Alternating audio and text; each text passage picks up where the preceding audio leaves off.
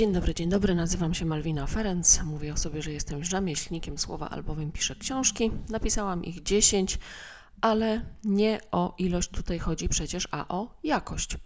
No i w tym podcaście mówię o pisaniu bez przemilczeń i lukru. Poruszam też tematy, które się z szeroko pojętym pisaniem wiążą.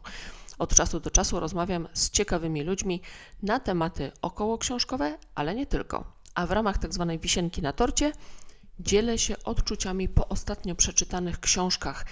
I ja to już mówiłam bardzo dużo razy, ale być może jest ktoś, kto właśnie od tego momentu zaczyna tego podcastu słuchać, więc witajcie serdecznie w podcaście Pisarski Backstage. Jeżeli ktoś wpadł na chwilę, a chciałby zostać tu dłużej, serdecznie zapraszam. Herzlich willkommen, jak mówimy w naszym powojennym Wrocławiu. Dzisiaj będzie rozmowa. To będzie rozmowa absolutnie po prostu zwalająca z nóg. Dzisiaj rozmawiam z panią Eweliną Szyszkowską. Dzisiaj właśnie będzie ta część, kiedy z ciekawymi ludźmi poruszam tematy około książkowe. Kim jest pani Ewelina Szyszkowska, tego się zaraz dowiecie. Rozmowa jest długa, odcinek jest długi, to jest najdłuższy odcinek z, nag z nagranych przeze mnie, ale wierzcie mi, absolutnie nie pożałujecie, jeżeli dosłuchacie do końca, bo to jest po prostu sztosiwo. Dzisiaj będziemy zatem mówić o tym, jak dobrze zacząć pisać książkę, jak wytrwać i nie poddać się w połowie i wreszcie jak ją skończyć. Podobno, jak mówił klasyk, mężczyzna poznaje się po tym, jak kończy, a nie jak zaczyna, i pisarza trochę też po tym poznać, dlatego zachęcam Was, żebyście jednak mimo wszystko wytrwali do końca. W tym momencie powiem jeszcze tylko tyle, że jeżeli podoba Wam się to, co robię, jeżeli e, chcielibyście słuchać więcej odcinków, jako taki mikrowdzięcznik zachęcam Was do tego, żebyście zaobserwowali mój kanał. Są różne gwiazdki, które można nacisnąć. Ocencie to, skomentujcie. Jest taka możliwość na Spotify'u. Zostawcie feedback, mówiąc bardzo po polsku. I jest to bardzo potrzebne, wtedy algorytmy patrzą na mnie z większym e, miłosierdziem. I ja mam szansę w ten sposób dotrzeć do szerszego grona słuchaczy, a nie ukrywam, że właśnie o to mi chodzi. No i oczywiście czytajcie moje książki, dowiecie się, czy jest tutaj zasada, że przygadał kocioł garnkowi, a sam smoli. Może nie ma. Zapraszam Was serdecznie na rozmowę z panią Eweliną Szyszkowską.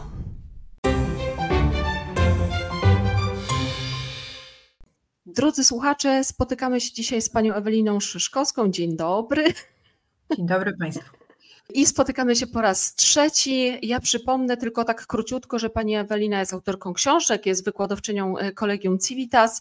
E, widziałam, że współpracuje Pani z Fundacją Kosmos dla Dziewczynek, ale dla nas e, najważniejsze jest to, że Pani przede wszystkim zajmuje się twórcami, pisarzami, tymi, którzy w cudzysłowie robią w słowie. Współpracuje Pani z nimi, e, przeprowadza ich Pani, żeby stawali się coraz lepszymi autorami książek i pisali coraz lepsze powieści, czyli bierze Pani na warsztat to, co tworzą inni i mam nadzieję, że się nie pomyliłam. Zgadza się, zgadza się. Współpracuję z autorami, bardzo to lubię. No i super, czyli spotykamy się po raz trzeci, jest mi niezwykle miło, a temat jest absolutnie rewelacyjny. Y, miałyśmy rozmawiać o zakończeniach książek, jak wcześniej sobie postanowiłyśmy, ale temat jest naprawdę na tyle żrący, że tak powiem, że dobrze by go było potraktować całościowo. Więc y, pani Ewelina zaproponowała mi takie szersze spojrzenie i będziemy rozmawiać o pisaniu książki y, jako takim, jak dobrze zacząć, jak wytrwać i się nie poddać w połowie i wreszcie jak skończyć książkę, tak żeby czytelnik nie powiedział, że wszystko pięknie, tylko na zakończenie autor skopał po całości. No dobrze, i po, Podzielimy to sobie na takie trzy etapy, właśnie, czyli na początku powiemy o rozpoczęciu, później o tych mękach twórczych na środku y, i później o y, szczęśliwym dotarciu do mety. Ale ja bym chciała na początku zapytać, bo mam taką koleżankę, która powiedziała mi kiedyś, że bardzo chętnie napisałaby książkę, ale nie wie o czym. I czy taka osoba ma w ogóle szansę cokolwiek napisać? No ja będę brutalna.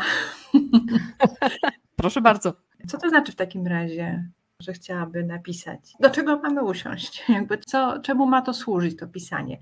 Jest no jakby, jakby szukając rozwiązania, gdyby jednak bardzo, bardzo, bardzo ktoś chciał, czuł i nie trywializując tego zupełnie, że no, pisanie jest jego powołaniem, ale nie umie zdefiniować e, problemu, o czym ma pisać, no to Takim do, Mhm. dobrym tutaj rozwiązaniem jest takie ćwiczenie, które jest stosowane w innych obszarach, na przykład takie e, pisanie porannych stron.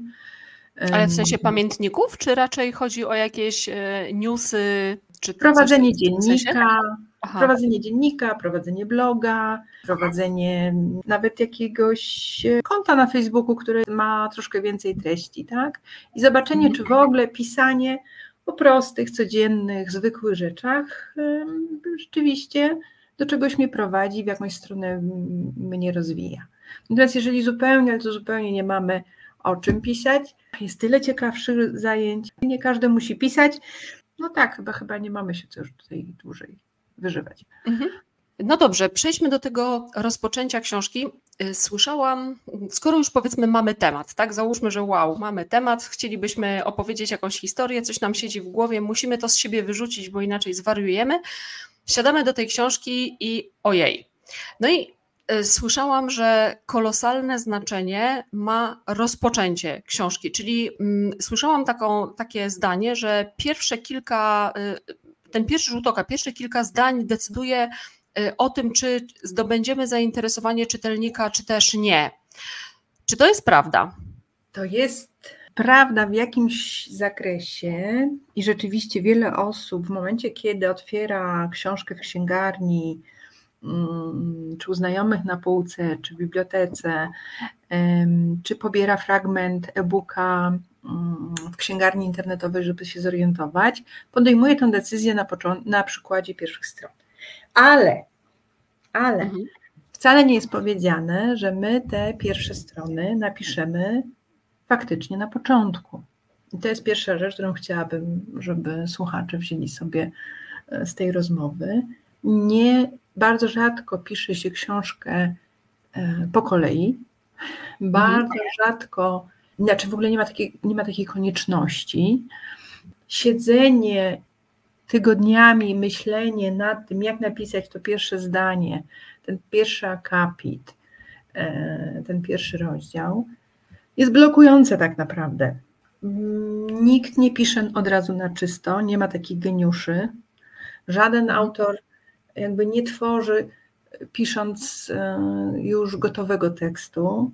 Bardzo często się zdarza też, że tekst trzeba jeszcze raz przepisać, przeredagować, zmienić. Tytuł rozdziału staje się tytułem książki. E, Tytuł książki staje się pierwszym zdaniem. Pierwsze zdanie wędruje na koniec, ostatnie zdanie wędruje na początek. Dzieją się bardzo, bardzo różne rzeczy w procesie pisania książki i przywiązywanie się do takiej myśli, że ja już teraz, jak mam ten pomysł i zaczynam pisać tą powieść, to ten pierwszy akapit, to ja go muszę napisać tak, żeby przykuć tą uwagę czytelnika w tej księgarni. No, jest takim, powiedziałabym, jednym ze sposobów, żeby się nie udało. Tak, żeby w końcu nie napisać tej książki. Ale ja to potwierdzę, bo rzeczywiście w moich książkach też było tak, ja sobie tam wymyślałam powiedzmy jakiś początek, ale generalnie jak już napisałam całość, to wracałam na początek i zmieniałam ten początek. Jak już wiedziałam, jak wygląda książka, jak wygląda koniec, no to dopiero wtedy dopasowywałam ten początek. No i to tak, no to jest prawda, bo to. Następna to, rzecz, mówi- następna rzecz jest taka, że autorzy, kiedy zaczynają pisać, opowiadają sobie ten świat, szczególnie autorzy fantazy albo Mhm. autorzy y, powieści historycznych, ale też obyczajówek. Oni muszą, muszą sobie opowiedzieć ten świat, w którym dzieje się akcja. I zamiast em, od razu wejść w akcję, bo nie są w stanie. Najpierw muszą sobie powiedzieć, kto jest kim, jakie, jakie związki e, łączą postaci, jakie zasady obowiązują w tym świecie, jak on wygląda, no mnóstwo rzeczy. I to jest ba- tak naprawdę bardzo nudny wstęp. On jest niezbędny. Ale to znaczy, że oni, e, przepraszam, to znaczy, że oni e, opowiadają to czytelnikowi w tym rozpoczęciu, tak wyjaśniają, e, Yy, przedstawiają ten świat? Zaczynając pisać, z- zaczynają od tego opowiedzenia sobie o świecie, tak?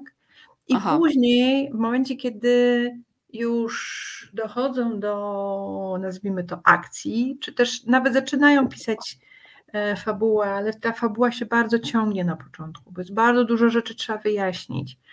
To później w, w procesie redakcji, nawet takiej redakcji autorskiej, już wiadomo, że te rzeczy można wyciąć. Więc przywiązywanie się do tej myśli, że ta pierwsza wersja to jest tą wersją docelową, mm, jest błędne. Również, z takiego, również, również z takiego powodu. Czyli powinniśmy być gotowi e, na to, żeby zastosować hasło błogosławieni elastycznie, albowiem oni się nigdy nie złamią. Czyli nie, przy, nie przywiązywać się, nie trwać murem przy tej pierwotnej wersji, bo ona wcale niekoniecznie jest najlepsza, tylko że książka będzie się rozwijać razem z naszym pisaniem i e, w rezultacie może wyglądać trochę inaczej niż to sobie zaplanowaliśmy i powinniśmy dać sobie do tego wolność. Dobrze zrozumiałam?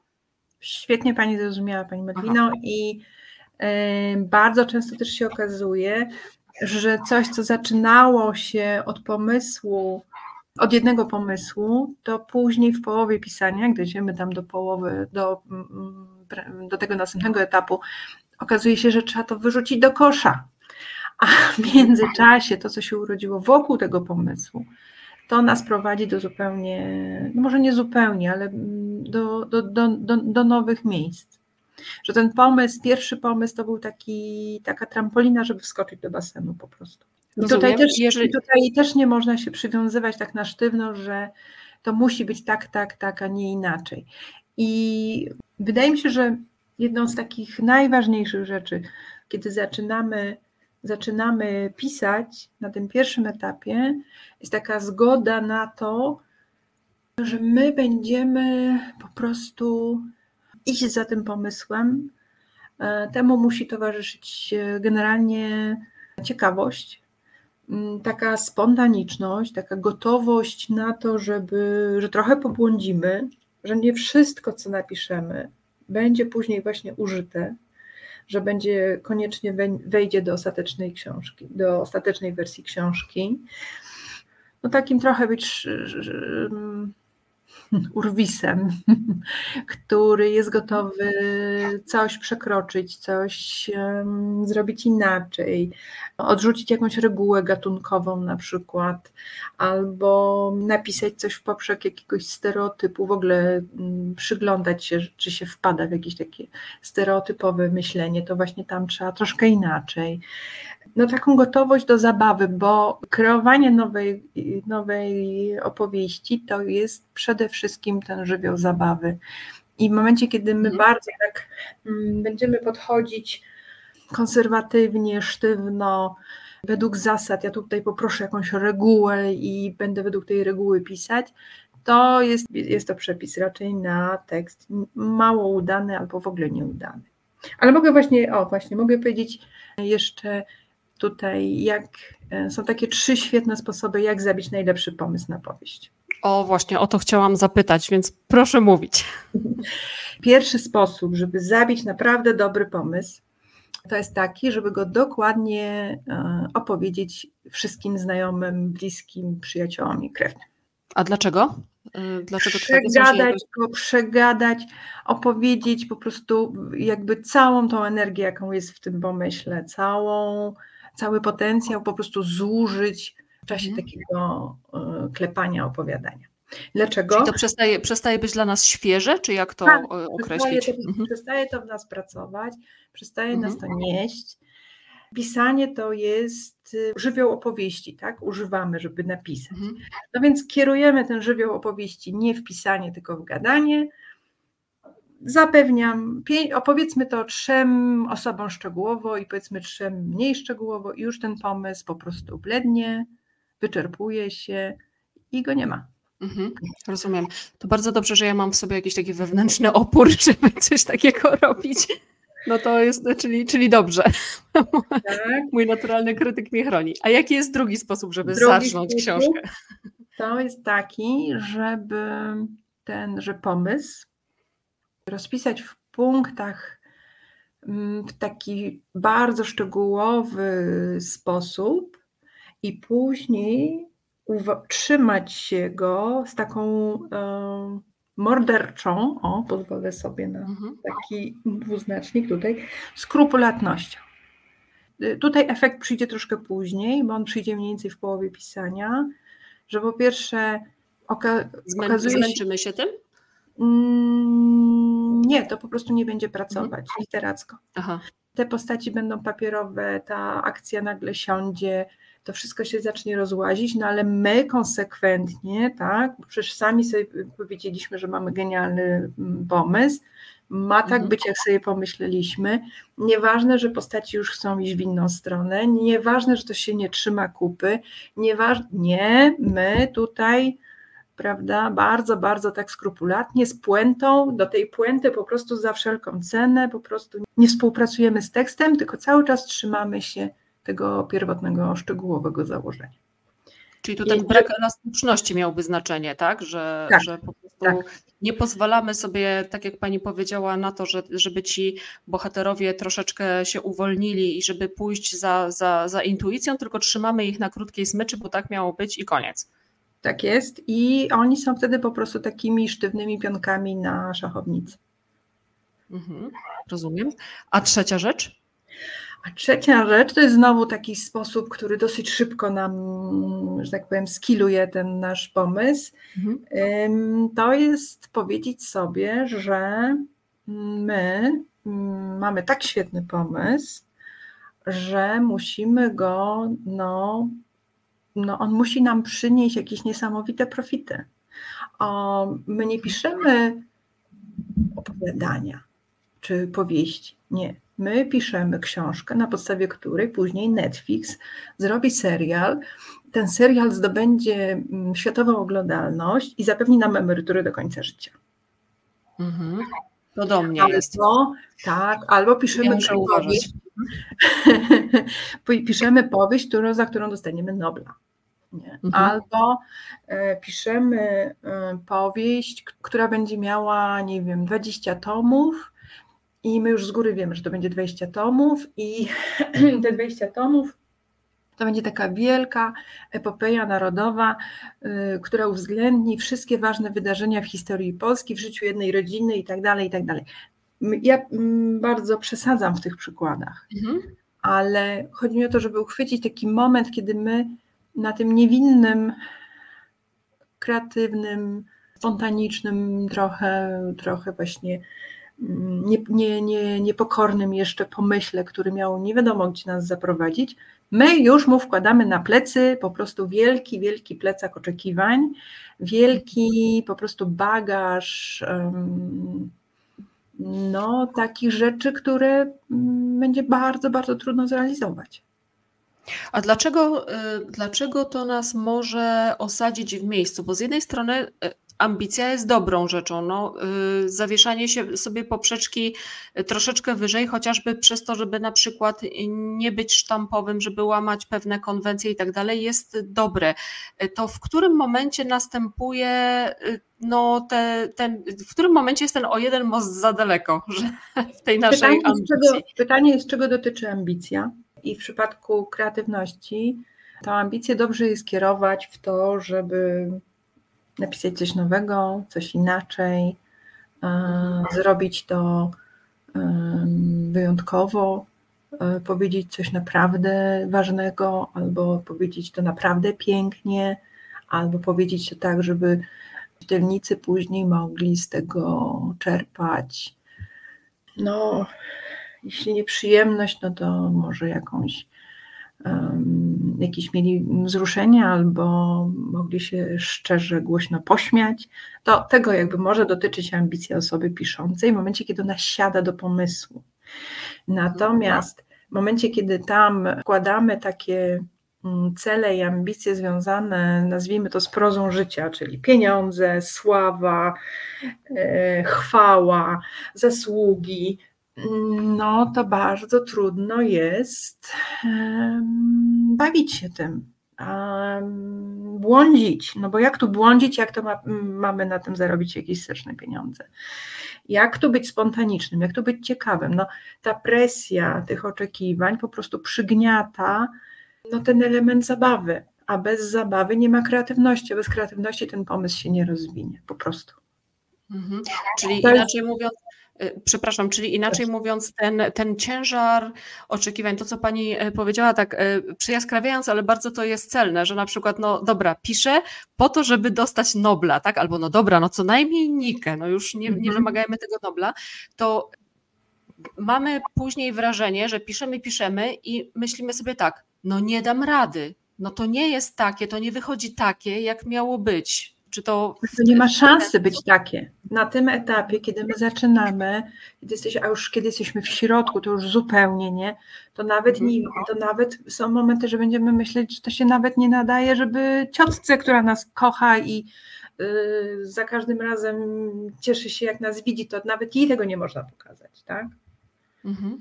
Czyli No, sami a- sobie obcinamy skrzydła, tak? Na tej zasadzie. Dokładnie, tak, tak, tak. Odpinamy sobie skrzydła, ale też to jest taki sabotaż. Ja bym to nazwała, to, takie oczekiwania to jest rodzaj sabotażu. No bo jeżeli ja mam takie, takie wyobrażenie, że tylko po to warto pisać, żeby dostać wielką nagrodę, duże pieniądze albo wielką sławę osiągnąć, no to czy ten pomysł, y, o którym teraz myślę, wiem, dziewczynka y, wyrusza w świat i, i, nie wie, że ma magiczne moce. Wymyślam teraz, tak? To czy ten pomysł jest warty y, pisania? Czy on mi przyniesie sławę, czy on mi przyniesie pieniądze, czy on mi przyniesie nagrodę? E, pewnie nie.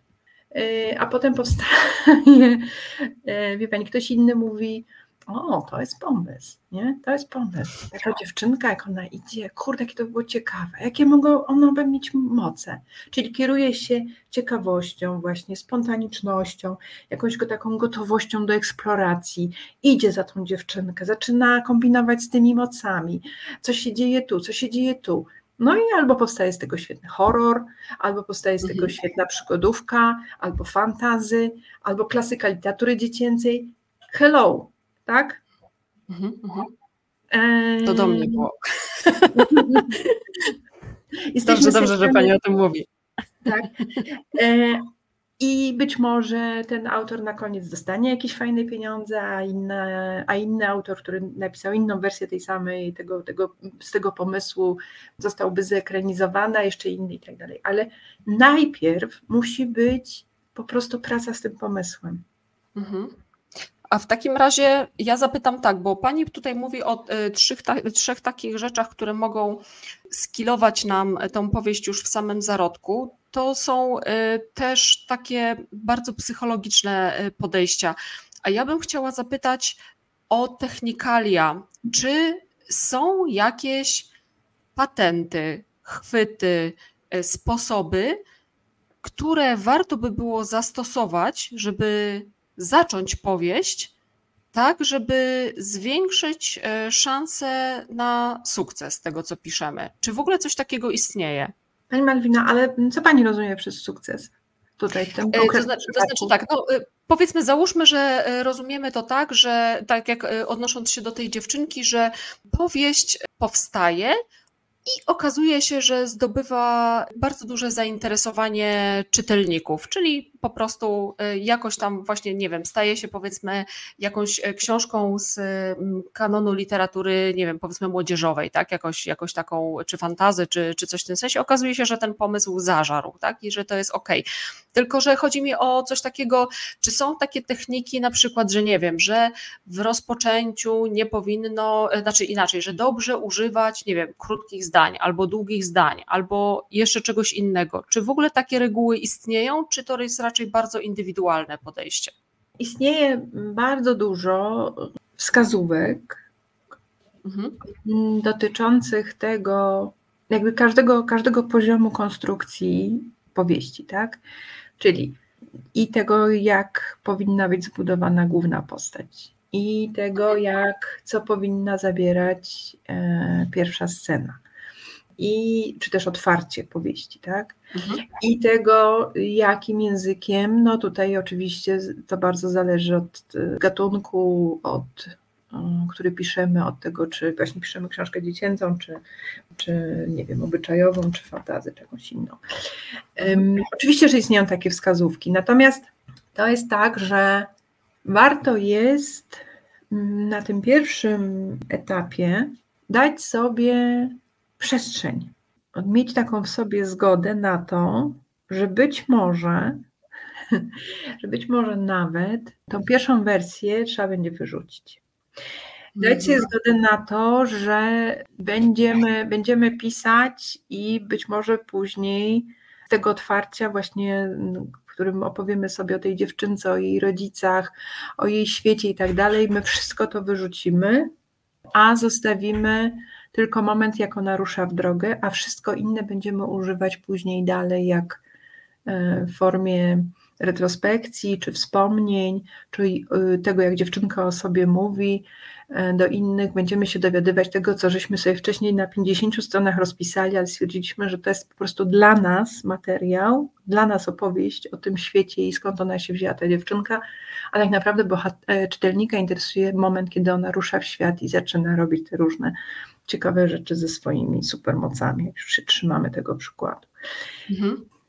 Absolutnie kluczowe jest po odpowiedzenie sobie na pytanie, kim jest mój bohater, jakie są jego cele, jakie są jego pragnienia, jakie są jego tajemnice, jakie są jego, jaka jest jego przeszłość, jaki jest jego taki mm, najważniejszy cel, e, jakie przeszkody są przed nim, jakie są jego umiejętności, jakie są jego moce, jakie ma. No, im lepiej, im więcej wiemy o naszym bohaterze, głównym bohaterze, głównej bohaterce, tym lepiej. Choć tutaj też, też dobrze jest niektóre rzeczy dowiadywać się w trakcie. I mhm. e, taka kolejna rzecz, której na początku nie, nie, jakby nie warto robić, to jest takie bardzo, bardzo szczegółowe no to już y, jakby mam wrażenie, że się powtarzamy, takie bardzo szczegółowe założenia. Lepsze jest po prostu pisać. Pisać to pisać, pisać, już tak jak sobie wyobrażamy to, ten tekst. A potem, no tak jak mówię, może się okazać, że część tego tekstu, który napisaliśmy, będzie niepotrzebny. Nie da się pisać na czysto, a szczególnie takiego y, za pierwszym razem.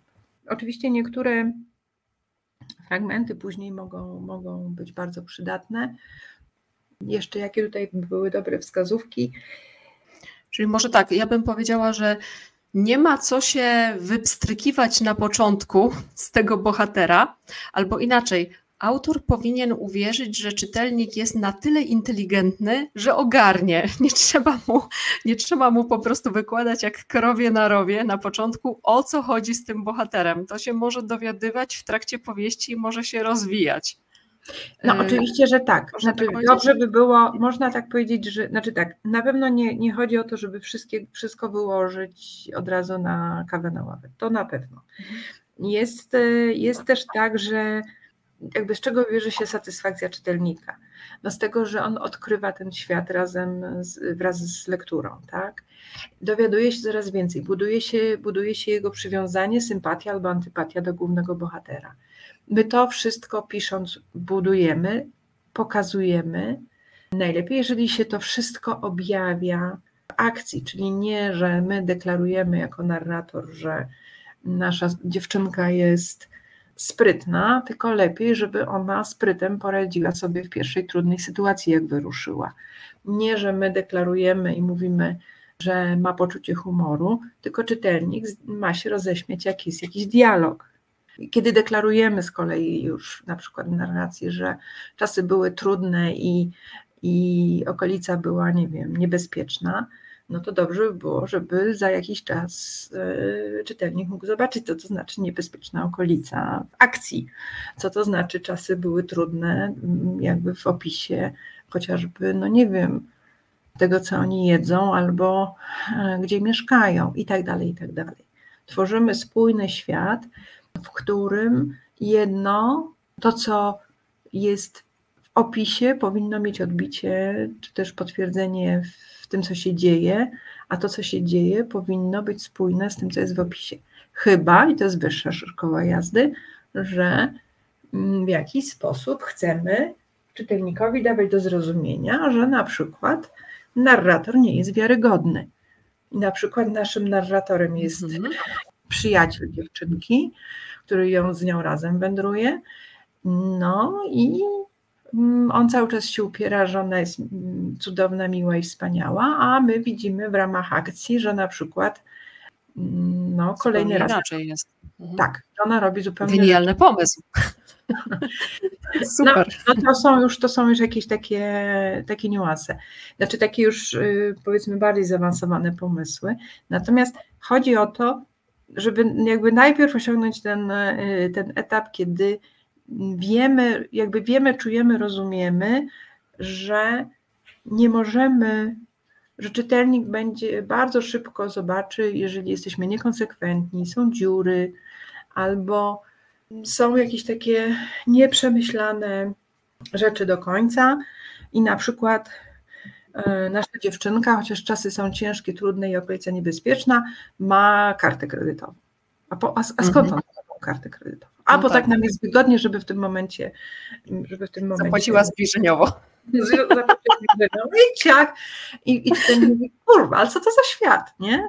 To, to, kiedy to się dzieje i w ogóle. No więc takie, to są takie mm, też y, no, absolutnie podstawowe rzeczy konstruowaniu z kolei e, tego świata przedstawionego. Także tam muszą być te wszystkie rzeczy e, spójne.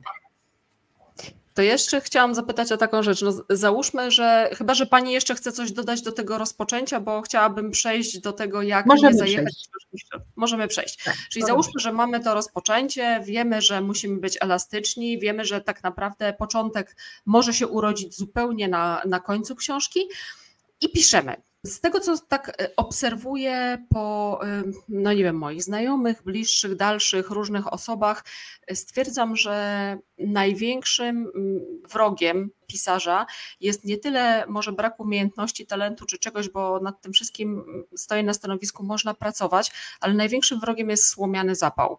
No i mam takiego kolegę, który właśnie kilka lat temu się z nim spotkałam. On mówił mi wtedy z dumą, że ma dwie zaczęte książki. Minęło kilka lat i on ma nadal dwie zaczęte książki, albo przynajmniej ja nie wiem, czy cokolwiek zostało opublikowane, bo nie dotarły do mnie te informacje. Czyli pytanie moje jest takie: jak pisać, bo już piszemy tę książkę, jak pisać, żeby dojechać do końca i nie zarzucić tego pomysłu w środku? Żeby nie skończyć są- jak mój kolega.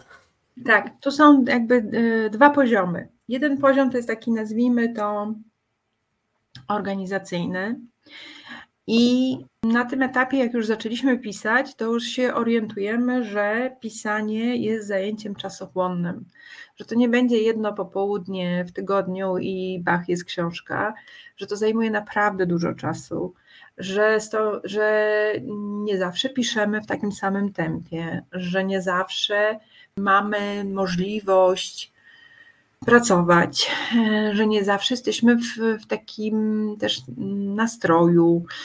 No i to powoduje, że zaczynają się takie przerwy w pisaniu, coraz dłuższe, coraz dłuższe i właśnie to, że tak powiem, ustaje. Tak? No i tutaj są jakby ważne dwie rzeczy. Jedna rzecz jest taka, że od razu powiem, no nikt, nikt za, nas, za nas tego nie dopilnuje. To jest pytanie w ogóle o naszą motywację do tego, żeby to skończyć, tak? Więc jeżeli jesteśmy zmotywowani, no to oczywiście tutaj działają różne techniki. Można sobie wyznaczyć cel dzienny, można sobie wyznaczyć cel y, tygodniowy.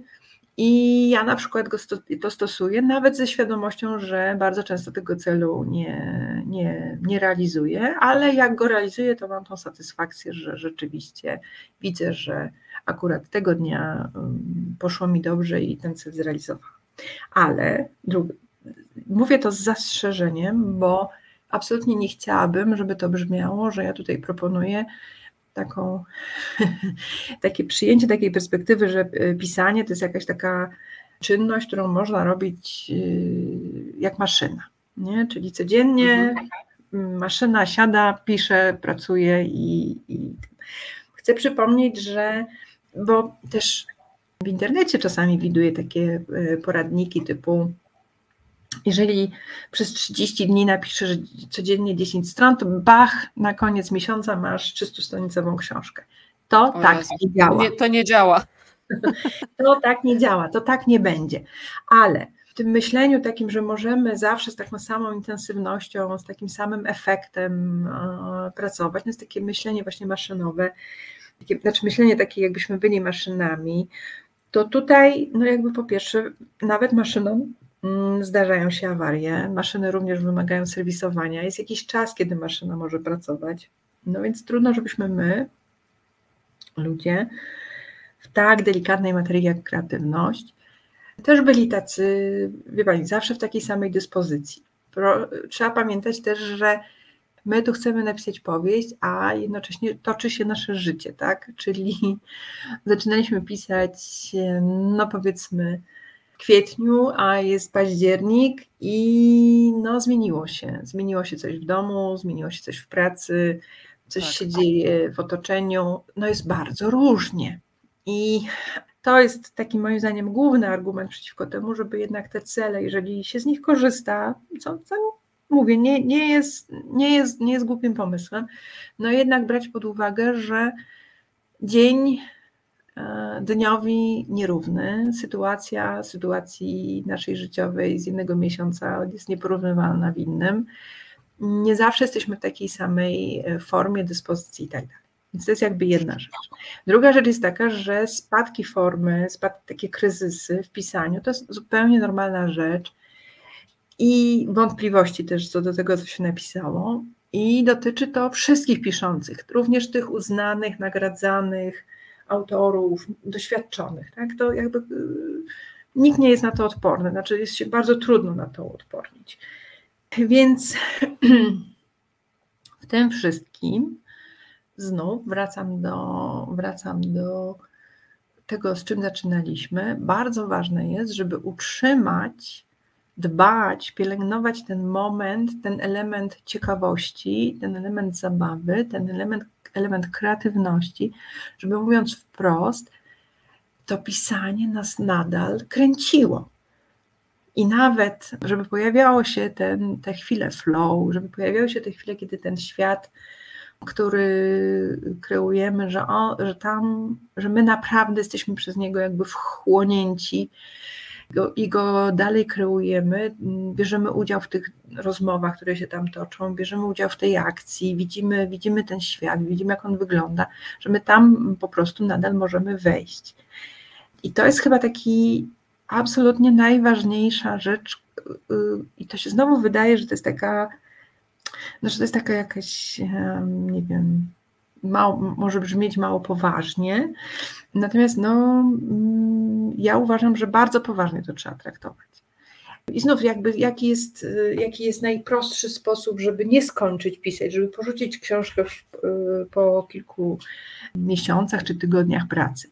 No po pierwsze właśnie siadać do niej, siadać do pisania w sposób taki y, chaotyczny, na krótko. Nie zawsze, nie zawsze o siódmej wieczorem, tylko po prostu znaczy, nie, ma, nie, nie ma nic złego, że znaczy nie, nie tyle jest problemem to, że my raz siędziemy o siódmej rano, a raz o siódmej wieczorem, tylko że, no nie wiem, siędziemy o 19, a jednocześnie włączymy fakty. Siędziemy o siódmej rano, ale w, w, wkurwieni e, na szefa i myśląc o tym, co za chwilę nas czeka w pracy. Mhm. Siędziemy. No nie napiszemy w środku dnia, i, ale w kawiarni jednocześnie będziemy sprawdzać Facebooka. Czyli nie, nie zadbamy, i to tylko my sami możemy zrobić, o to, żeby siadać do pisania z wolną głową, z, mhm. na, no chociaż dać sobie, nie wiem, dwie godziny napisania, nie 15 minut, no co my napiszemy przez 15 minut. E, nie udawać, że piszemy, kiedy nie piszemy, tylko właśnie myślimy o pracy albo, nie wiem, oglądamy właśnie wiadomości. E, czyli mówiąc wprost, jeżeli my nie traktujemy pisania poważnie, no to trudno, żebyśmy e, mieli jakikolwiek efekt. I to, to, to co tracimy absolutnie na początku takiego podejścia, takiego niechlujstwa, takiego po prostu podejścia no, lekceważącego, no to to, że właśnie ten pomysł powoli, powoli, powoli gaśnie. Gaśnie, przestaje mhm. nas nieść, przestaje nas, nas to interesować i trudno, nie ma. Poszło. umiera, umarło, poszło sobie w ogóle gdzieś, gdzieś, gdzieś indziej do kogoś innego piszącego. Tam, tam próbuje się wyjść i zaistnieć. Czyli y, powinniśmy sobie w sobie tak jakby y, raz po raz odświeżać tą motywację, tak? Odświeżać tą determinację, dlaczego my to chcemy zrobić i dlaczego my to chcemy skończyć. I tak jak pani powiedziała, traktować to poważnie, bo to jest takie zajęcie, że zawsze się znajdzie coś, co można włożyć w miejsce zamiast tego pisania, czy chociażby te fakty, tak, czy Facebooka, czy ten, o, zasięgi mi spadły, muszę coś zrobić, albo coś tam, coś tam. Zawsze się znajdzie coś, co może to pisanie wypchnąć, czyli musimy rzeczywiście traktować to serio i przypominać sobie, że traktujemy to serio, bo inaczej to gdzieś zejdzie na piąte, siódme, dziesiąte miejsce, aż w końcu zdechnie pod płotem. Tak, i to jest myślę taki główny powód. Jeżeli mówimy o powodach takich wewnętrznych tekstu, wewnątrz tekstu, dlaczego on przestaje nam iść, no to są takie, takie, takie dwie typowe sytuacje. To jest jedna, że w tekście jest chaos, chaos i myśmy rozkręcili tyle wątków i tyle tyle mamy tych pomysłów i tyle włożyliśmy tam tych y, grzybów, że po prostu mhm. nie możemy się w Wyszła nam grzybowa, a nie barszcz. Tak, po prostu nie możemy się w tym rozeznać, gubimy się w tym, irytuje nas to i, i to jest jakby jedna sytuacja. Druga bardzo typowa, powiedziałabym klasyczna, to jest taka, że po prostu postacie zamiast zamiast, że jakby akcja zamiast się dziać, to wszyscy, wszystkie postacie nam usiadły, palą papierosa i, i tak jakby miały przerwę w pracy i mają nas w nosie, czyli mhm. po prostu nam się to rozłazi, to towarzystwo i nie ma napięcia, nie wiadomo co oni właściwie dalej mają robić. I każda postać jest jakby nie, nie, nie, nie udało się albo nie, nie wypracowaliśmy jeszcze, nie znaleźliśmy jeszcze tych najważniejszych motywacji, tego, co później, już na, tak mniej więcej w połowie książki, absolutnie samo, samo się kręci. Czyli to jest jakoś e, niewłaściwie przemyślana fabuła? Niewłaściwie, niewłaściwie Nie, to są niejasne cele bohaterów. Aha. To jest klasyczna, klasyczna sytuacja, kiedy właściwie o co im chodzi? Nie wiadomo. Po co oni tam idą? Nie wiadomo. Co oni będą robić? Nie wiadomo. Siedzą w knajpie i gadają. A, a i o czym gadają? O pogodzie. No to wszyscy ziewamy z nudów jako czytelnicy.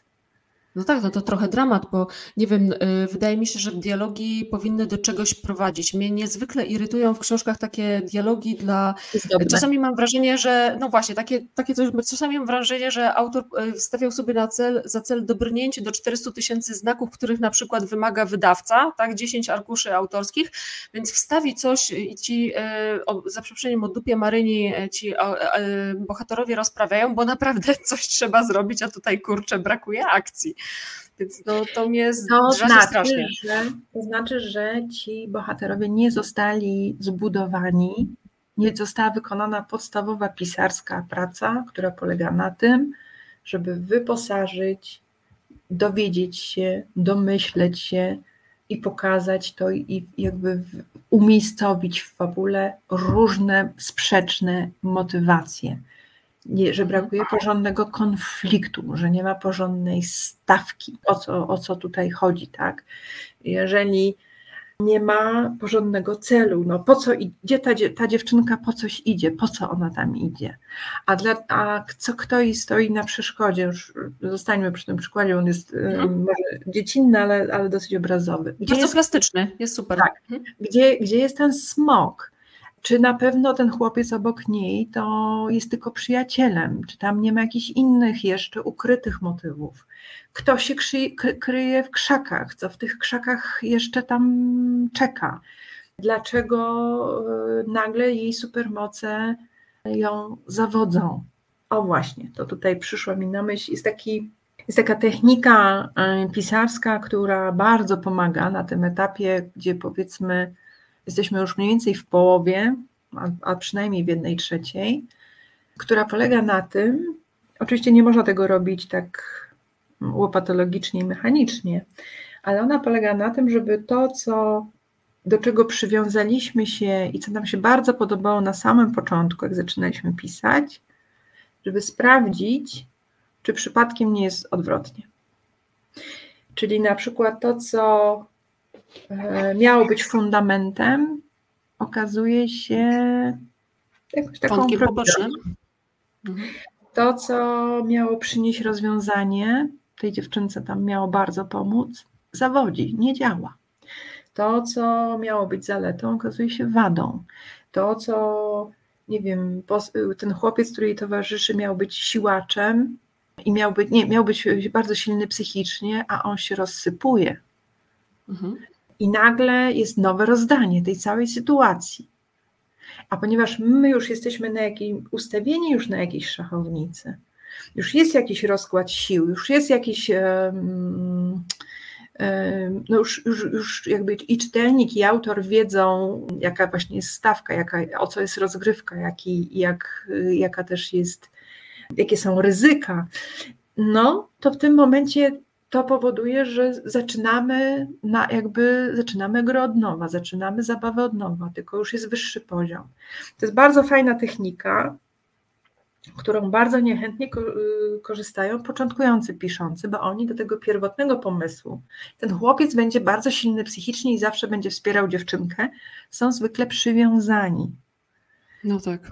A, a pisanie polega też na tej, właśnie znów wracam do tego, co mówiłam na początku, ciekawości i gotowości do tego, żeby pójść dalej i zobaczyć, a co jeżeli będzie zupełnie inaczej. Czyli tak w gotowości do tego, żeby porzucić swoją e, pierwotną koncepcję na pewnym etapie i właśnie zrobić takie trochę salto mortale, Tak, żeby tak. e, zno, nabrała nowej świeżości ta fabuła, którą mamy w sobie. Zgadza się. I Mhm. to może naprawdę dotyczyć i historii pary małżeńskiej i ich relacji. I ona zawsze myślała, że on jest taki, ten jej mąż, a on jest jednak w tej kwestii zupełnie inny. I proszę mi nie mówić, że w życiu tak nie jest czasami. I to może dotyczyć historii wojny, znaczy w sensie historii, gdzie na przykład jest wielki konflikt i w ogóle historyczna książka i nagle jest ciach. 300 Mhm. pokonuje tam iluś i, odwracają się, i odwraca się cała historia. Jakby, natomiast dla osoby piszącej, dla autora, który to, to kreuje, to jest taki moment, żeby powiedzieć sobie, dobra, miałem, miałam pomysł i to było taka, takie ziarenko, nie? a teraz wyrasta mi już z tego ta roślina i ta, ta powieść i już jest inaczej. I ja idę nie za tym, że się upieram, to co mówiłam na początku, że musi być tak, jak ja sobie wymyśliłem, postanowiłem i koniec, tylko idę za tym, co mi tu rośnie, co mi tu wychodzi. Zwłaszcza, że wtedy też na tym etapie może się okazać, że owszem, piszemy kryminał, ale tak naprawdę piszemy książkę o relacjach matka-córka na przykład. Że owszem, piszemy historię życia jakiejś pary małżeńskiej i ich strasznego rozwodu, najmy na to, e, Mhm. a tak naprawdę piszemy o książkę o stracie i nie wiem, i rozpaczy. O czymś Mhm. zupełnie. I wtedy jesteśmy w stanie zobaczyć, że ten tekst pracuje na, na kilku poziomach, a o to też w literaturze chodzi. Że jest, mm, jest jakaś fabuła, ale jest też to, co jest w nią jakby wszyte na poziomie no, takiego głębszego przekazu i wartości, i pewnych refleksji, e, i wrażeń, i uczuć, jakie budzi w czytelniku. Mhm. Ja bym powiedziała jeszcze takie coś, y, jeżeli można, mogę wtrącić. Nasi słuchacze y, pewnie będą niepocieszeni, bo wyobrażam sobie taką sytuację, że jakaś grupa osób y, spodziewała się wskazówek y, w stylu, czy pisać codziennie. Jeśli nie codziennie, to co który dzień. Jeśli robić przerwy, to ile najdłużej może trwać przerwa, żeby nie skończyło się porażką. A ja chętnie na to Ile- odpowiem, Pani Malwino. E, najlepiej jest e, pracować codziennie. E, jeżeli mamy do wyboru e, pracować godzinę codziennie, a dwie godziny co drugi dzień, lepiej pracować dwie godziny co drugi dzień. Im Mhm. dłuższy jest ten moment, e, im więcej mamy przestrzeni, również czasu, tym większa szansa, że mm, zaczniemy rzeczywiście być w tym świecie i nasza wyobraźnia, nasza kreatywność będzie miała szansę, użyła Pani tego, przypiąć sobie skrzydła i polecieć. Tak. Potrzebne są przerwy. Trudno mi powiedzieć, jak długie, ale one są potrzebne po to, żeby pewne rzeczy przemyśleć, żeby pewne rzeczy sprawdzić, żeby z pewnymi rzeczami pochodzić, nabrać odwagi, nabrać śmiałości, żeby w tym tekście naprawdę tupnąć, naprawdę powiedzieć coś trudnego, e, zmierzyć się z jakimś tematem. Czasami trzeba no, odpocząć. Odłożenie tekstu, myślę, że na pół roku to jest praktycznie skilowanie go. Tak, zdecydowanie. Mhm.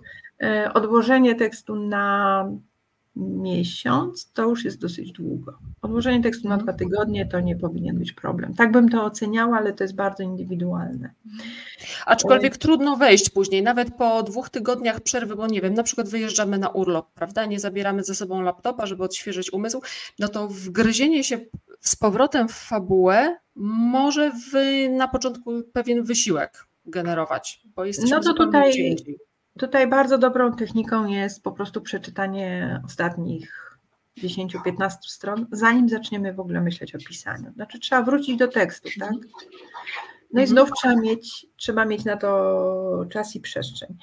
Nie ma sensu e, frustrowanie się i pisanie w takich, w takich szarpanych momentach, czyli e, czekam na dziecko na treningu i mam 45 minut, ale obok mnie siedzą inne matki, które dyskutują tam o awanturze, która była w szkole, a jednocześnie mój mąż dzwoni co chwilę, bo robi zakupy i nie może znaleźć tego keczupu, który zawsze kupuje, ale ja tutaj twardo piszę, ja tutaj twardo piszę. No nie, kochana, nic nie napiszesz. Mhm. E, Wierzę w to, że są osoby, które są tak zdeterminowane, że one, one, one i tak będą te 15-20 minut próbowały wykorzystać. Jeżeli chcesz wykorzystać, rób notatki. Przejdź się na spacer ze swoim bohaterem i pogadaj z nim. Przyjrzyj się motywacjom każdej postaci. Znaczy, taką, można taką mikropracę wykonywać, która nas przygotowuje do pisania. Sprawdź, e, nie wiem, jakie kwiatki rosną w Szkocji, jeżeli ta dziewczynka wędruje przez Szkocję.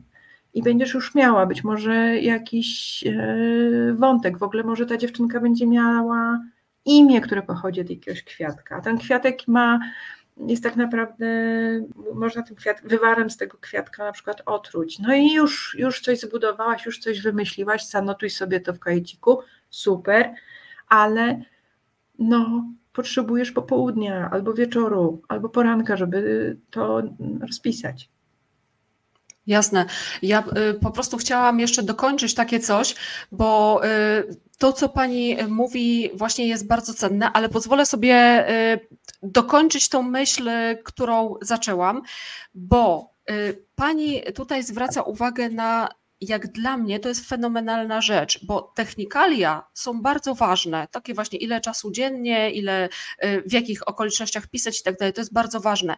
Ale pani zwraca uwagę na to, co wydaje mi się wielu osobom unika, y, umyka, czyli żeby słuchać siebie wewnętrznie, żeby być otwartym, żeby mieć otwarty umysł i dbać o ten otwarty umysł, żeby mieć szerokie spojrzenie i rzeczywiście starać się patrzeć szeroko, żeby wydaje mi się z jakąś taką też wyrozumiałością i miłością podchodzić do swojego własnego pisania i do siebie i żeby właśnie co jakiś czas mówić sprawdzam, y, pytać się, sprawdzać, czy na pewno podążam dobrą drogą.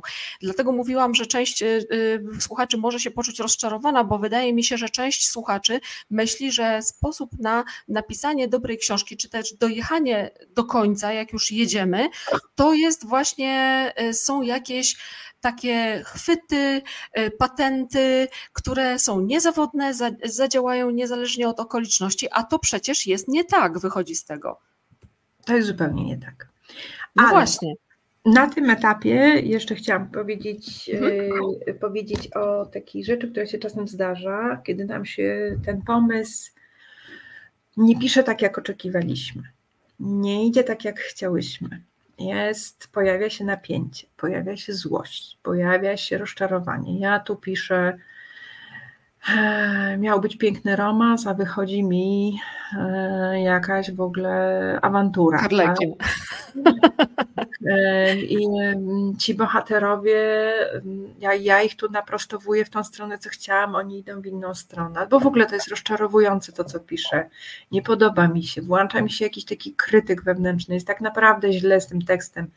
To w tym momencie rzeczywiście czasem warto zrobić przerwę. I to, co chcę powiedzieć, to taką następną, myślę, ważną rzecz to jest taka, że bardzo proszę sobie ten tekst zarchiwizować, a nie niszczyć go czy wyrzucać. O tak.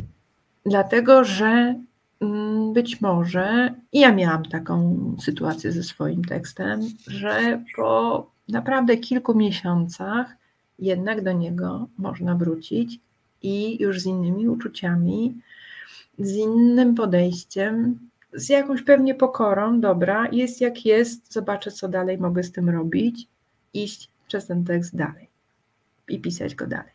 Natomiast jeżeli go zniszczymy, skasujemy, wyrzucimy, to po prostu będzie nam bardzo trudno e, go odtworzyć. I tutaj jest taki mit, mit, który jest podtrzymywany. Ostatnio go widziałam w ostatnim sezonie Sex Education. Widziała Pani ten serial, Pani Malwino? E, widziałam pierwszy sezon, później już okay. nie oglądałam, ale wiem, okay. wiem o który serial chodzi. Mhm. Jasne.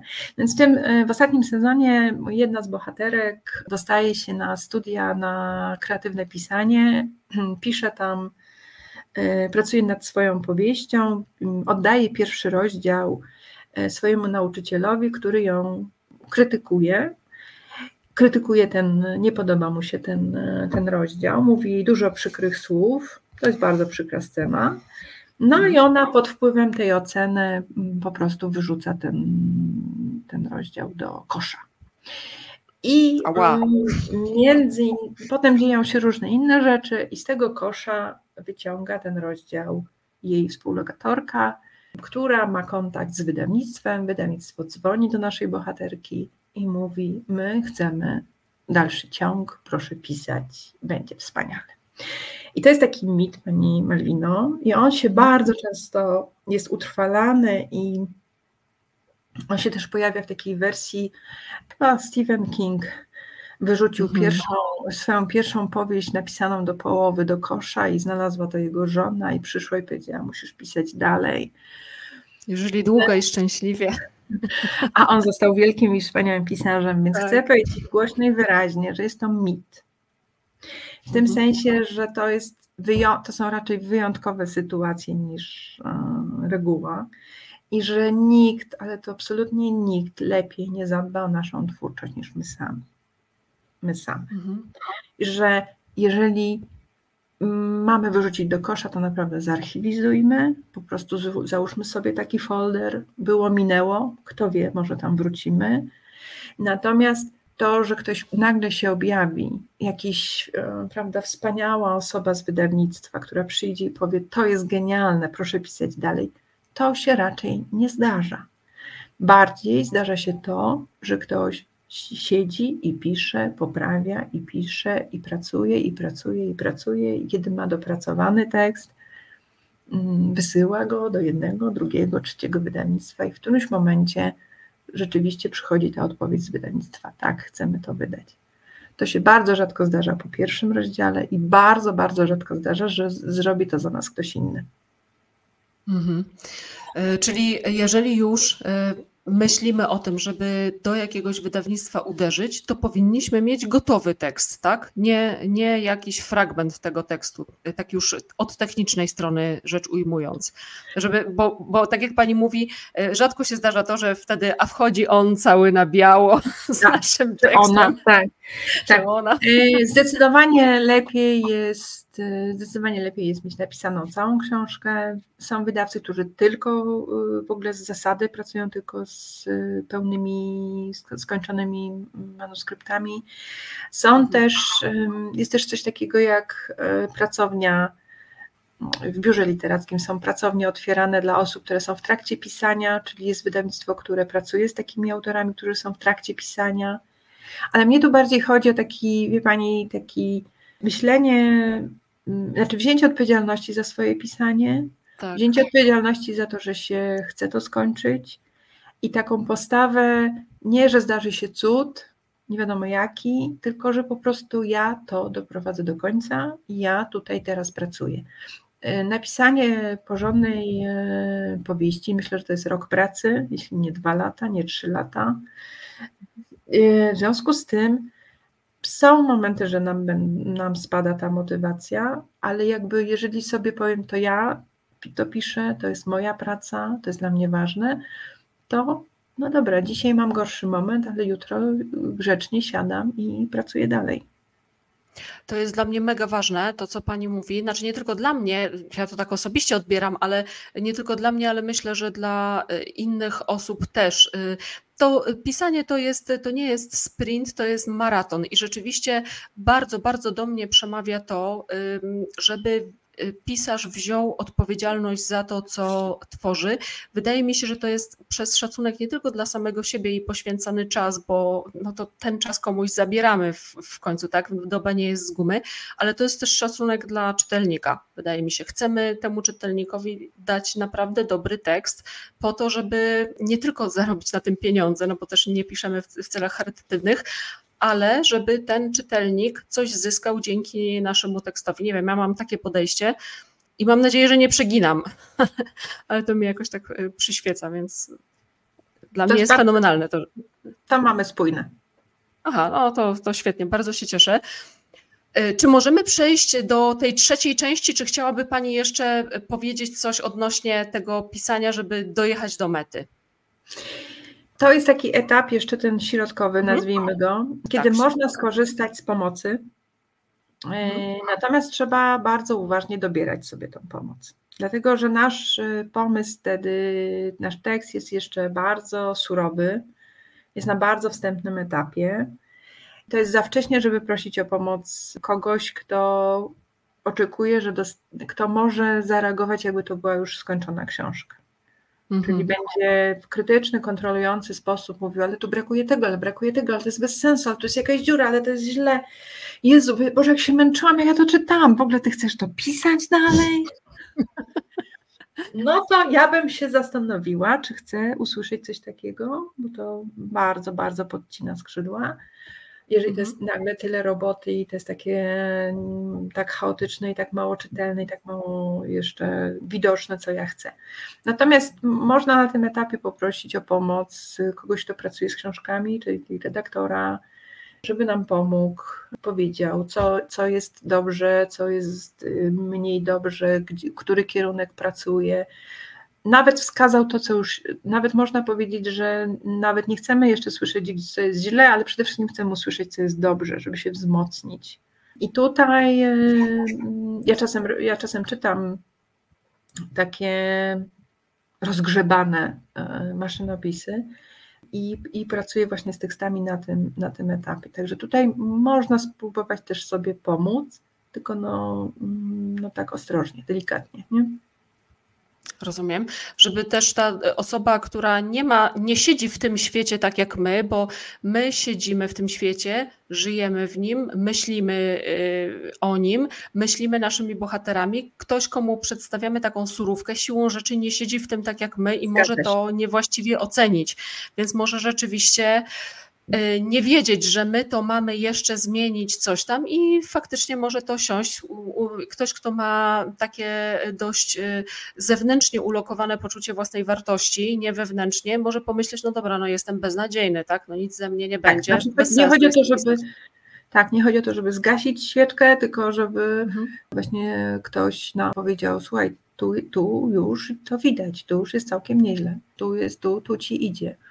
Ta postać jest super, zastanów się, tutaj to jest też dobry moment na zadawanie pytań. takich klasycznych pisarskich pytań, czyli a co by było, gdyby wydarzyło się jednak tak, że ten chłopiec jest niemową, co z tą dziewczynką idzie, nie? A co by było, gdyby się okazało, że dziewczynka ma w plecaku jeszcze coś tam. A co by było, jakby poszli jednak w drugą stronę? A co by było, jakby jednak nie pokonali smoka i musieli coś tam zrobić inaczej? Czyli to jest jeszcze taki moment, kiedy my naprawdę możemy trochę tymi pionkami na szachownicy naszej tej fabuły naprawdę jeszcze namieszać, jeszcze, jeszcze posprawdzać, jeszcze zobaczyć. To jest tak naprawdę bardzo fajny moment. No, taki, no, taki jeszcze się wszystko może wydarzyć. Tak, jeszcze się wszystko może wydarzyć. To jest cudowny moment i no i, i, i warto, warto z niego korzystać. Znaczy nie, nie ma co gnać też. I tu przechodzimy do kończenia. Do kończenia. No więc właśnie, y, koniec, jak już klasyk mówił, mężczyznę poznać nie po tym, jak zaczyna, ale po tym, jak kończy. Czy pisarza też poznać po tym, jak kończy? Czy raczej nie? Znaczy, no, hmm. Jest y, rzeczywiście, jak się czyta, na przykład wejdzie do serwisu, lubimy czytać mhm. i tam przejrzy różne recenzje, różne opinie, to wraca taki wątek, że rozczarowało mnie zakończenie, albo tak, zakończenie jest bardzo słabe, często. albo nie. Mhm.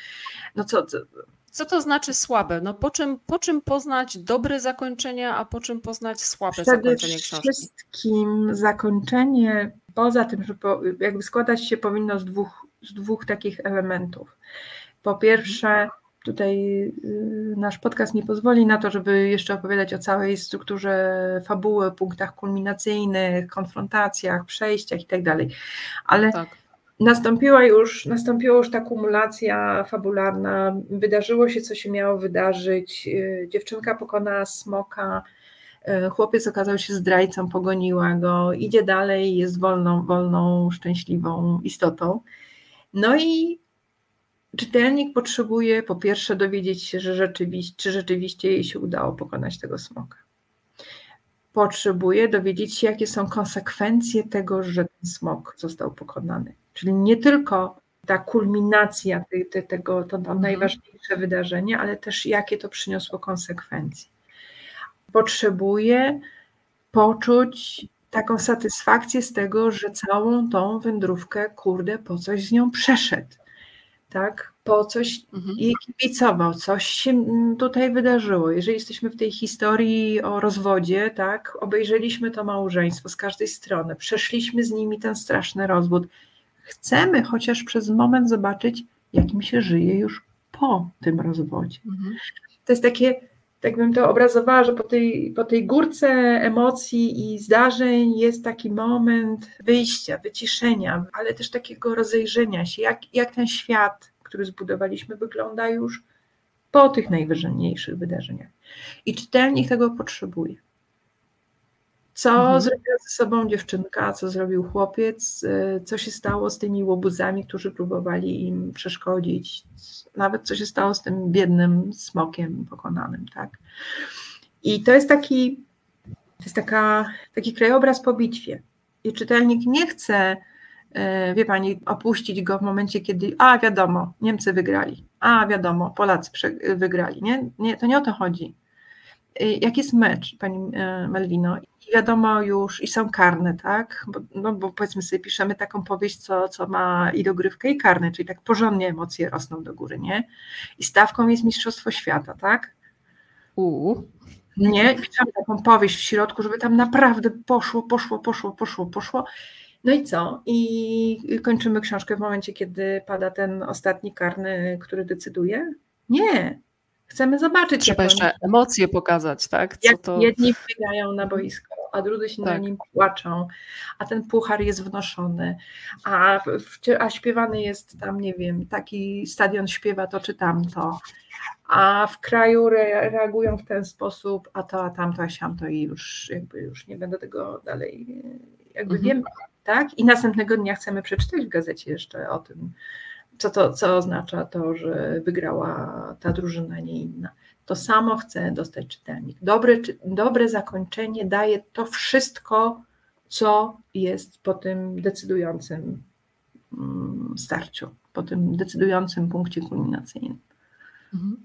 Czyli tak jakby po co nam to wszystko było, tak? Że Tak. mamy tutaj Co nam to i przyniosło? Tak, jak się ten świat zbieramy wnioski. Mhm. tak, jak się ten świat, który, którym żeśmy zarządzili taką awanturę, i tu mówię, no to zależy, co pisaliśmy, tak? To co, co, co, z, tego, co z tego wynika. Jeżeli ostatecznie w kryminale zabił ten, to co to oznacza dla wszystkich innych postaci? Mhm. Powiedzmy, że zabił, nie wiem, sąsiad. Co to oznacza dla całego osiedla? Co to oznacza dla tej rodziny, która mieszkała y, w tym samym y, domu bliźniaku? Co to oznacza dla komisarza, którego to był najbliższy przyjaciel? No, no trzeba jeszcze to wszystko pokazać. Oczywiście, no tak nadal, żeby to było, żeby to się dobrze czytało i tak dalej, z zachowaniem Mhm. stylu i tak dalej. Ale chodzi mi o to, o, to, o, to, o te emocje, jakie ma przynieść e, zakończenie. Co jeszcze jest słabe zakończenie? Zakończenie, które nie jest umocowane, które nie wynika z tego, co wcześniej żeśmy budowali.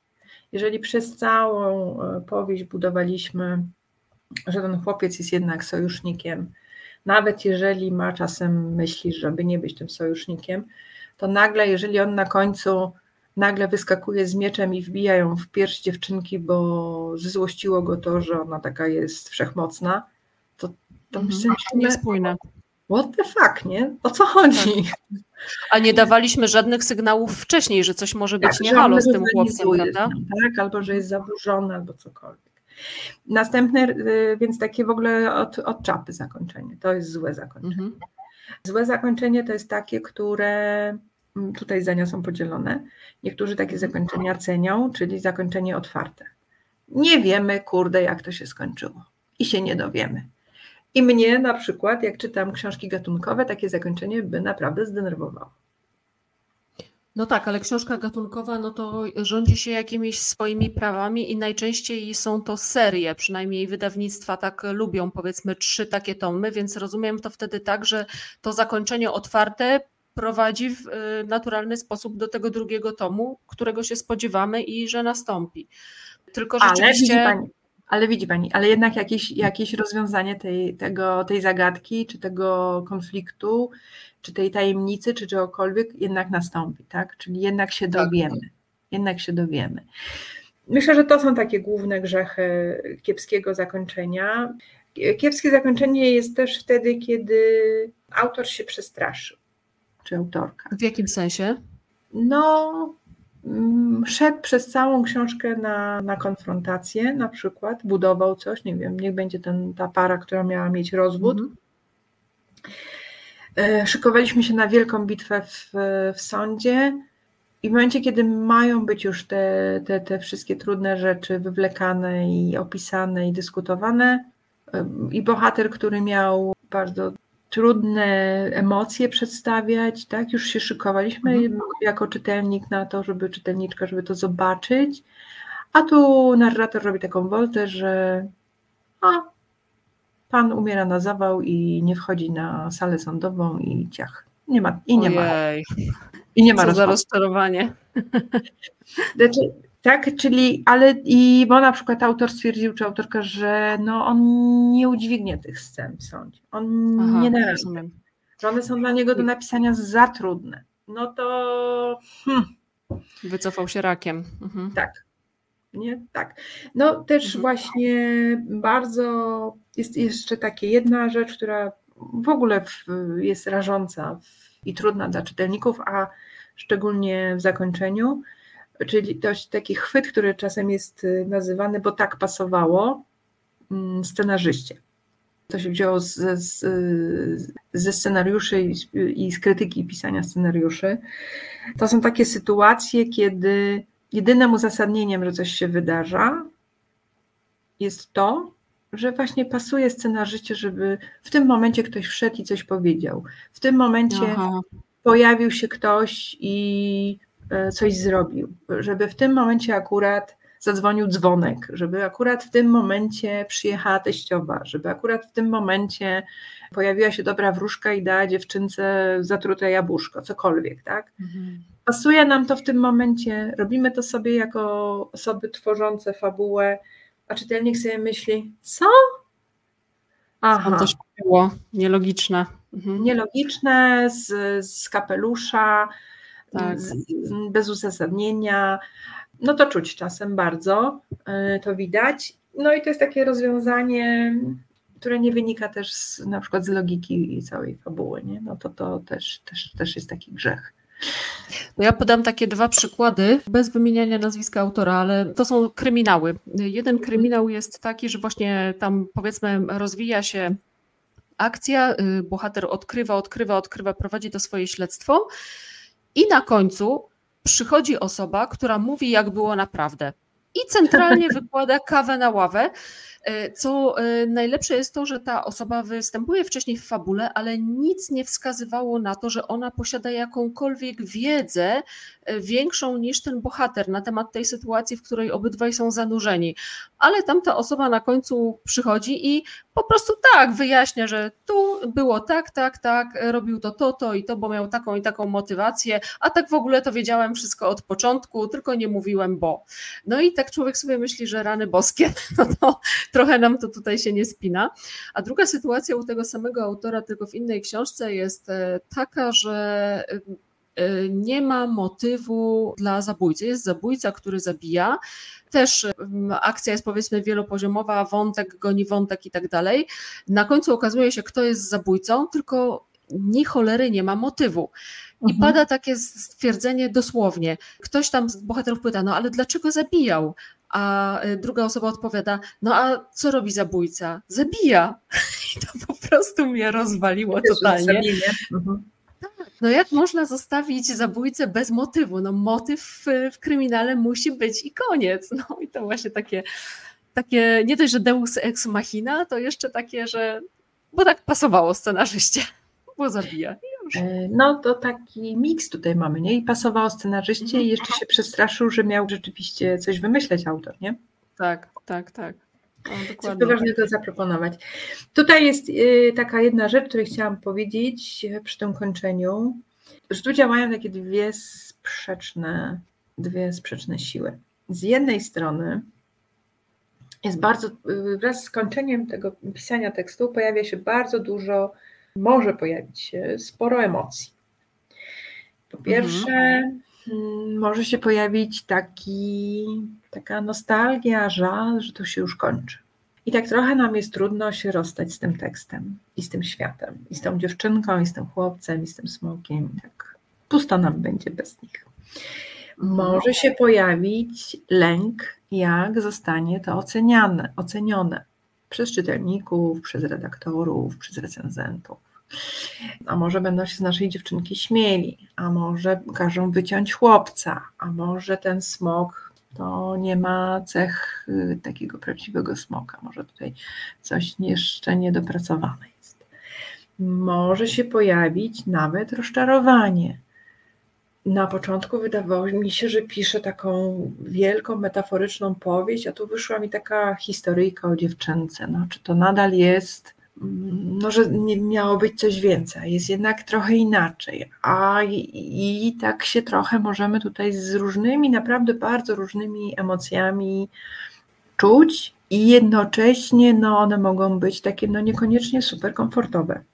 I to jest zupełnie, zupełnie, zupełnie normalne. Fajnie jest sobie te uczucia nazwać, skąd one idą, odpowiedzieć, dlaczego, jakby z czym one się wiążą. No i znów, no, niepewn- może się pojawić niepewność. A jak to będzie dalej? A co z tym robić teraz? Tak? No bo już właściwie kończę. To, co jest tutaj, mm, druga taka duża siła, która się pojawia, no to są pytania naszych znajomych, bliskich, przyjaciół, ale też czasem niektórzy zadają sobie sami takie pytanie. No już dawno to powinnam skończyć. Ile to może trwać? Ile ja jeszcze będę w tym siedzieć? O matko, Mhm. rok to piszę, tak? Czyli ja pojawia się jakaś taka presja zewnętrzna, wewnętrzna. No czas już kończyć, czas już kończyć, tak? Tik, tik, tik. Ile można nad bajką dla dzieci siedzieć, nad powieścią o parze, która się rozwodzi? No ile można, tak? Mhm. ale też, i są na to badania, które mówią, że w momencie, kiedy pracujemy twórczo, bardzo cechą tych osób, które osiągają najlepsze najwyższe artystyczne efekty jest jednak przeciąganie i odwlekanie sprawy jak najdłużej. I żeby nie ulegać pokusie, tak, że już tutaj Już szybko kończymy. kończę, pach, ucinam, koniec, tylko jednak wyczekać ten moment, tak? Mm, Robiono takie badania w latach 60. w San Francisco. Mm, Był taki badacz e, McKinnon, który badał poziom kreatywności u architektów. I Mhm. pytał ich, e, jak oni pracują, jak wygląda ich dzień, jaka są ich rutyny. I podzielił ich sobie na dwie grupy. Tych, którzy byli takimi klasycznymi rzemieślnikami, em, dobrymi architektami, ale którzy nie tworzyli nic nowego w architekturze, oraz miał gru- drugą grupę badawczą wielkich architektów, artystów, których dzieła, że tak powiem, w tym czasie były dyskutowane, znane, budziły zachwyt i tak dalej, i zdobywały nagrody. Czyli mówiąc wprost, chodził do kreatywnych i niekreatywnych architektów. Mhm. I on na podstawie tych badań stwierdził, że jednych i drugich różnią tylko dwie, absolutnie dwie rzeczy. Jedną z nich określił sobie jaką taką zdolność do zabawy w pracy, przy czym przez tą zabawę rozumiał właśnie ciekawość, zgodę na to, że się pobłądzi, że się spróbuje, że się pomyli, że mm, praca sprawia e, jakąś taką przyjemność w odkrywaniu nowych rozwiązań, czyli jest taki element kreatywności, którym, którym mówiłyśmy sobie na początku. Tak. E, Nie, nie myślę o tym, jaką nagrodę mam zdobyć, nie myślę o tym, jak wielką sławę, nie myślę o tym, jak, jak, y, jak ważny inwestor czeka na ten projekt. Bawię się tym, Mhm. szukam tego, idę za tym, co mi niesie moja wyobraźnia, e, co mnie ciekawi. E, I to była pierwsza rzecz. A druga rzecz, ci drudzy, ci kreatywni, ci artyści, odwlekali decyzje dotyczące konstrukcji i jakby takich zasadniczych elementów swoich prac tak długo, jak tylko mogli sobie na to pozwolić, a nawet dłużej czasem. Czyli Mhm. mówiąc wprost, byli w stanie unieść taki dyskomfort, który właśnie wynika z tego, że po pierwsze e, nie znają od razu wszystkich odpowiedzi, chociaż to jest ich odpowiedzialność, prawda? No bo oni są głównymi Tak. tutaj mm, konstruktorami tego świata, e, tego, o, nie świata, tylko oczywiście budynku. Oni byli w stanie wziąć na wstrzymanie, mówiąc wprost, i powiedzieć sobie, dobra, to ja teraz popróbuję. I nie dam tej odpowiedzi pierwszej, która mi przyjdzie do głowy, nie dam tej odpowiedzi drugiej, trzeciej, czwartej, piątej.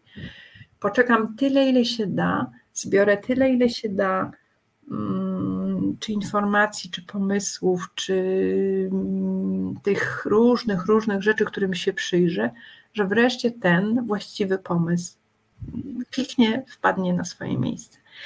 I w przypadku osób piszących taki reżim w kończeniu, że już powiedziałam sobie, że do 30 listopada zamknę tekst i koniec, niekoniecznie właśnie przy, pozwoli e, napisać najlepszą wersję tekstu. Mhm. Sięgnięcie i jakby zgoda na to, że zgoda na to, że być może to pisanie zajmie mi trochę więcej czasu, e, i taka otwartość na to, że różne pomysły i różne mm, rzeczy jeszcze będą przychodzić, no jest bardzo ważna. Oczywiście ja sobie zdaję sprawę, że są umowy wydawnicze, jednych są No właśnie, deadline.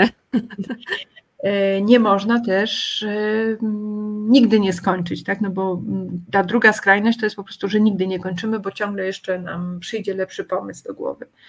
Ale gdzieś, gdzieś e, w tym, w tym badaniu jest taka ważna podpowiedź, że dopóki tekst w nas pracuje, dopóki budzimy się rano i myślimy sobie, o kurde, on mógłby wtedy tak powiedzieć, albo tak zrobić, ta moja postać, tak?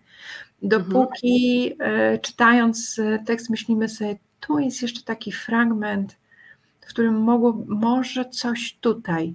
Dopóki my nie czujemy, że ten tekst się zamknął w tej, w tej, w tej najlepszej możliwej e, postaci, to, to jakby dajmy sobie szansę na, to, szansę na to, żeby dalej nad nim pracować. I ja wiem, że jest taka pochęć, pokusa po pójścia i powiedzenia swojej rodzinie, kochani, skończyłam, ja już napisałam tą powieść. No cóż, może się okazać, że, że, że jeszcze, jeszcze, jeszcze, jeszcze trzeba nad tym popracować. Ten, powiem tak, czas, e, komfort jakby pracy, to jest jedna z takich bardziej luksusowych rzeczy, o których dla, dla siebie po prostu w swojej pracy twórczej trzeba zadbać. Dokładnie, tym bardziej, że jak się idzie i tak y, powiedzmy porównamy to do plecaka, który się niesie na plecach, to ten plecak y, robi się coraz cięższy po prostu i w pewnym momencie rzeczywiście to ciśnienie jest potworne, że kurczę, już tyle to robię, już chcę to mieć za sobą, to jest fajne, kręci mnie, ale ileż można. I jest taka pokusa, żeby zrzucić ten plecak. No nie, jednak wytrzymajmy do końca, bo to po prostu y, będzie lepsze, że okaże się, że, że to, jest, to jest naprawdę lepsze, a ta pokusa takiego szybkiego zakończenia to może zwieść nas na manowce. Czyli... I czas od razu powiedzieć, że, to pier... że ten moment, kiedy mówimy sobie skończyłam pisać pierwszą wersję, uwaga, to jest tak naprawdę początek pracy, dlatego że później jest wersja mm, po beta czytelnikach, po recenzentach, później jest wersja, którą e, proponuje redaktor w wydawnictwie, potem są poprawki autorskie, potem jest jeszcze ileś korekt, sczytań, poprawek, nad książką. Wiem, że nie wszędzie, nie wszyscy, ale generalnie pracuje się jeszcze, jeszcze, jeszcze całkiem, całkiem długo. Tak jest, dokładnie, czyli meta tak naprawdę jest początkiem kolejnej wędrówki. Tak jest. A, a, nie po prostu, że teraz, no to teraz to już sobie siądziemy, y, odpalimy jakieś winko czy coś w tym sensie, bo się napracowaliśmy, no teraz to już będą nam kapać y, pieniądze ze wszystkich stron i będzie cudownie i w ogóle książka jest genialna. No to się, to się, dopiero, to się dopiero zaczyna. Pani Ewelino, chyba dojechaliśmy do końca. Mhm. jeżeli, jeżeli mówić o przeciąganiu zakończenia, to tak, to jesteśmy w optymalnym momencie, wydaje mi się, żeby, żeby zakończyć. Ja oczywiście powiem, że namiary na Panią zostawię w opisie odcinka, bo bo, bo, zostawię, tak? Bo wiadomo, mhm. i pani namiary na Instagramie, na LinkedIna mogę wrzucić, jeżeli będzie pani chciała. E, jeszcze jakieś namiary, gdzie tylko panią znajdę. E, więc e, jak najbardziej, gdyby ktoś chciał właśnie panią na przykład e, poprosić o taką wskazówkę, o której pani mówiła wcześniej na tym etapie jeszcze rozgrzebanego tekstu, żeby to było profesjonalne spojrzenie, ale takie, które właśnie zaakcentuje elementy mocne, a niekoniecznie odepnie te skrzydła, to będzie mógł panią znaleźć i się do pani, do pani zwrócić.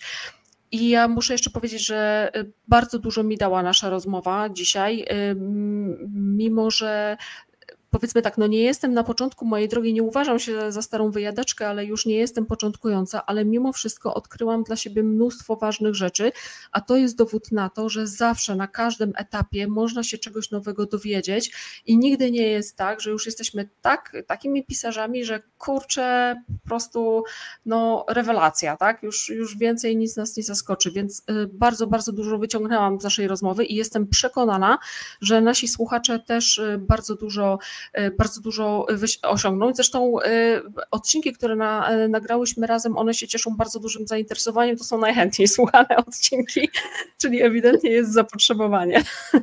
Cieszę się bardzo. Serdecznie zapraszam osoby piszące na, na konsultacje czy na, do, do recenzji tekstów. Bardzo się cieszę z tej rozmowy. Jeżeli, e, jeżeli coś było niejasne, no to mm, proszę wybaczyć, mówimy o takiej dosyć trudnej, trochę ulotnej e, materii e, mhm. kreatywności. Także no, mam nadzieję, że rzeczywiście będzie ta rozmowa przydatna. Mhm. Więc bardzo dziękuję drodzy słuchacze. Pamiętajcie, że panią Ewelinę można znaleźć i można się do niej zwrócić, a ja pani bardzo serdecznie dziękuję e, za udział w, w tym odcinku. No i dziękuję za rozmowę i do usłyszenia. Do usłyszenia.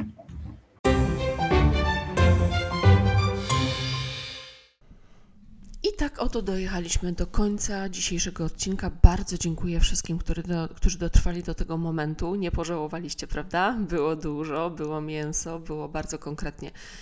Na koniec jeszcze raz zachęcam Was do zaobserwowania tego kanału. Nie pożałujecie. Zachęcam Was do tego, żebyście czytali moje książki. Będzie mi bardzo miło, jeśli się zapoznacie z moją twórczością. Polubcie ten y, podcast, kliknijcie gwiazdki, co tam się klika, zaobserwujcie i tak dalej. Powiedzcie o tej audycji swoim znajomym w mediach społecznościowych. Będzie mi bardzo miło. Mały gest, nic to nie kosztuje, a ja będę miała szansę dotrzeć do innych słuchaczy i rozszerzyć moje pole rażenia. Bardzo mi na tym zależy. Bardzo Wam dziękuję za poświęcony czas i spotykamy się w następnym odcinku podcastu Pisarski Backstage. Cześć!